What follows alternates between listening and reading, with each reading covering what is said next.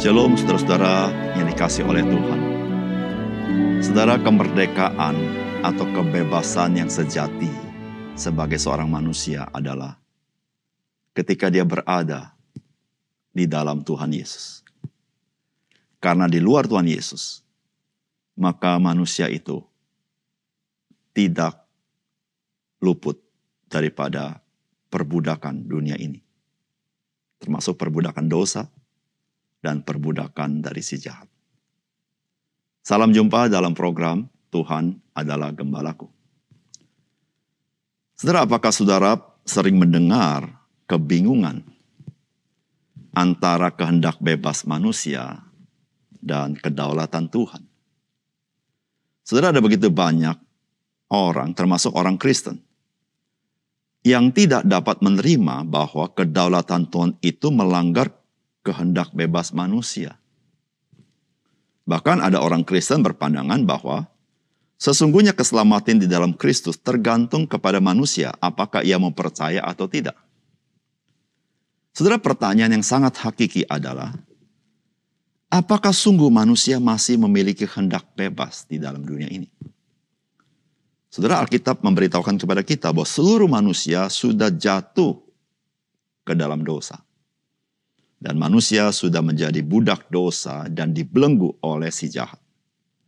Sehingga saudara manusia tidak hidup secara netral. Yang dimaksud tidak netral adalah manusia hidupnya selalu mengarah kepada dosa dan kepada si jahat. Oleh karena itu saudara-saudara, kita mengerti apa artinya bertobat. Bertobat itu artinya berbalik arah. Dari tendensi kepada dosa dan kepada si jahat berbalik kepada Tuhan. Saudara itu artinya bertobat. Saudara mari kita membaca firman Tuhan dari Lukas pasal 7 ayat 18 sampai 35. Ketika Yohanes mendapat kabar tentang segala peristiwa itu dari murid-muridnya, ia memanggil dua orang dari antaranya dan menyuruh mereka bertanya kepada Tuhan, Engkaukah yang akan datang itu atau haruskah kami menantikan seorang lain?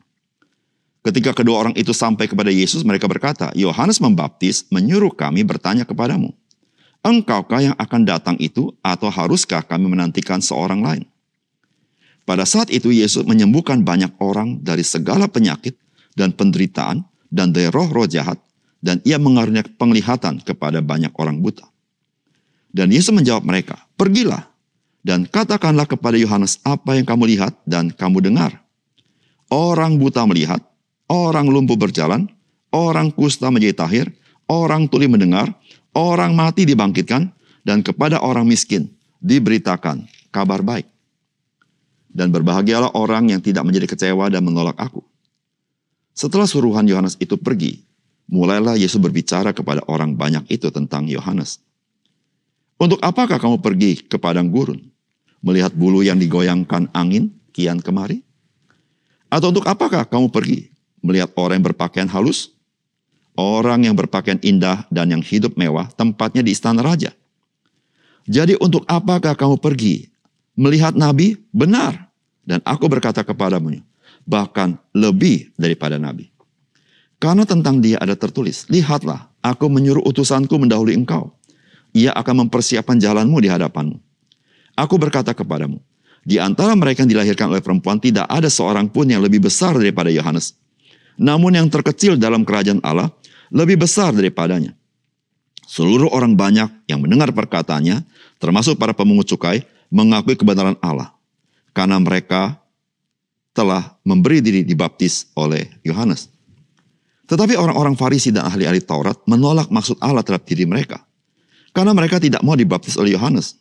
Kata Yesus, dengan apakah akan keumpamakan orang-orang dari angkatan ini? Dan dengan apakah mereka itu sama? Mereka itu sama seumpama anak yang duduk di pasar dan yang saling menyerukan. Kami meniup seruling bagimu, tetapi kamu tidak menari. Kami menyanyikan kidung duka, tetapi kamu tidak menangis. Karena Yohanes Membaptis datang, ia tidak makan roti dan tidak minum anggur.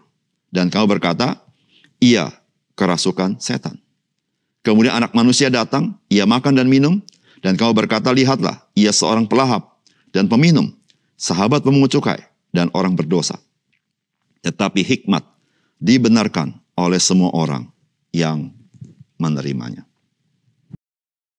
Saudara yang dikasih oleh Tuhan, kedatangan Yesus Kristus yang pertama kali 2000 tahun yang lalu, selain telah dinubuatkan di dalam perjanjian lama secara detail, namun juga didahului oleh seorang yang bernama Yohanes Pembaptis untuk mempersiapkan umat Tuhan bagi kedatangan Tuhan Yesus.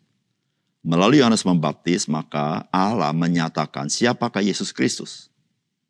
Sehingga umat Tuhan bisa mengenalnya. Dan saudara bagaimanakah sikap orang-orang Yahudi ketika Yesus datang? Dan bagaimanakah respon dari pemimpin agama? Yaitu agama Yahudi terhadap kedatangan Tuhan Yesus pada waktu itu.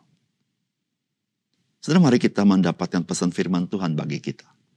Yang pertama, waspadailah spirit zaman akhir. Yaitu di zaman akhir, manusia mendengarkan apa yang mereka suka untuk didengarkan. Dan bukan mendengarkan kebenaran firman Tuhan. Saudara firman Tuhan berkata, Kata Yesus, dengan apakah akan kuumpamakan orang-orang ini? Dan dengan apakah mereka itu sama? Mereka itu seumpama anak-anak yang duduk di pasar dan yang saling menyerukan. Kami meniup seruling bagimu tetapi kamu tidak menari. Kami menyanyikan kidung duka tetapi kamu tidak menangis. Karena Yohanes Membaptis datang, ia tidak makan roti dan tidak minum anggur. Kamu berkata ia kerasukan setan. Kemudian anak manusia datang, ia makan dan minum, dan kamu berkata, lihatlah, ia seorang pelahap dan peminum, sahabat pemungut cukai, dan orang berdosa. Saudara percayakah zaman ini mempunyai arus yang sangat besar? Dan ketika engkau dan saya tidak mengikuti arus itu, engkau menjadi orang yang dilihat sebagai orang yang aneh. Saudara kita sebagai orang Kristen, kita selalu berjalan melawan arus besar itu yaitu arus dunia ini. Saudara, salah satu ciri daripada manusia di zaman akhir itu nyata dari apa yang Yesus sampaikan di dalam bagian firman Tuhan ini. Yaitu orang hanya mau mendengar apa yang dia ingin dengarkan. Tetapi dia tidak pernah mendengar apa yang Allah ingin katakan kepadanya. Saudara, hal ini bisa merasuk kepada orang-orang percaya juga. Orang-orang percaya hanya mau mendengar firman Tuhan yang dia ingin dengarkan. Tetapi dia akan tutup telinga kepada bagian-bagian firman Tuhan yang dia tidak ingin dengarkan. Saudara, jikalau kita memiliki sikap seperti itu, kita sudah terbawa oleh roh atau spirit daripada zaman akhir. Orang di zaman akhir selalu ingin mendengarkan sesuatu yang sensasional. Dia tidak mau berbicara hal-hal yang hakiki, yang berupa kebenaran. Orang-orang zaman akhir hanya ingin mendengarkan sesuatu yang menyenangkan. Tapi dia tidak pernah mau mendengar kabar harga yang harus dibayar untuk ikut Yesus.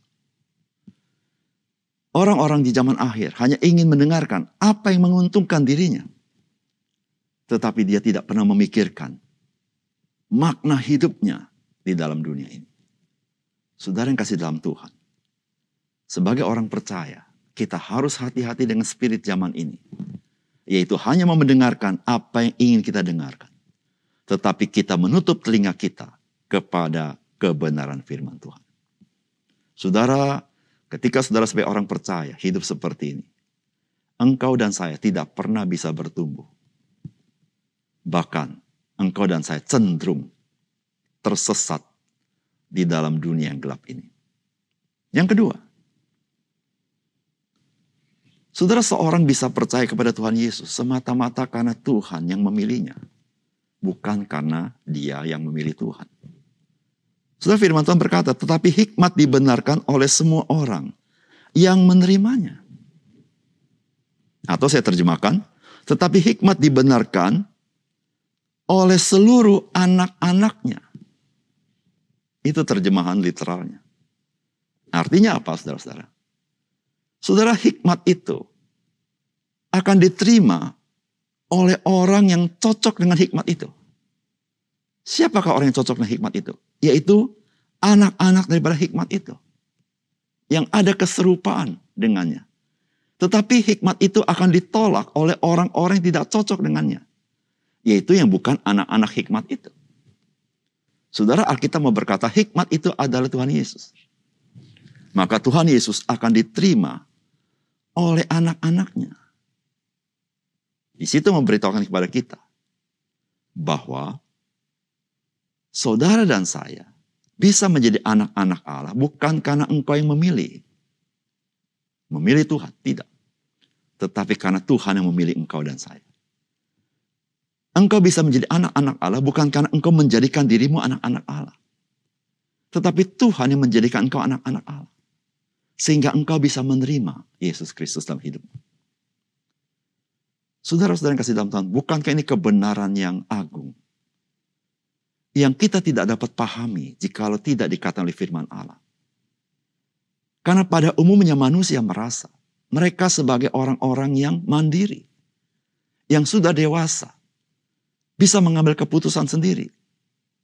Manusia merasa dia tahu mana yang baik, mana yang benar, mana yang salah, mana yang tidak baik. Saudara di situlah saudara. Manusia berpikir. Manusia yang menentukan Allah. Bukan Allah yang menentukan manusia. Saudara bukankah ini spirit daripada zaman ini? Bukan hanya spirit daripada dunia sekuler. Tetapi masuk kepada spirit orang-orang yang percaya adanya Allah yaitu merasa saya bisa.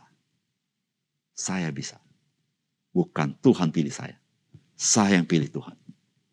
Saudara kasih dalam Tuhan. Jikalau saudara boleh mengenal Yesus, saudara menjadi anak-anak Allah. Saudara Tuhan yang menjadikan saudara. Sehingga saudara boleh menerima dia dalam hidup saudara. Hikmat itu dibenarkan oleh anak-anaknya. Mari kita berdoa. Bapak surga terima kasih untuk kebenaran firman-Mu supaya engkau menolong kami, mengajar kami bagaimana kami waspada dengan spirit zaman ini, yaitu mau mendengarkan apa yang kami ingin dengar. Tapi kami tidak pernah mendengar kebenaran firman Tuhan. Ya Tuhan, spirit zaman ini juga manusia merasa dia sanggup memilih Tuhannya. Dia tidak percaya Tuhan memilih dia. Ya Tuhan tolong kami. Kami mengenal kebenaran seperti ini supaya kami juga melihat betapa kasih Tuhan kepada kami. Bukan kami memilih engkau lebih dahulu, tapi engkau yang memilih kami. Sehingga kami boleh menjadi anak-anak Allah dan menerima hikmat itu. Tuhan terima kasih untuk firman Dalam nama Tuhan Yesus kami berdoa. Amin.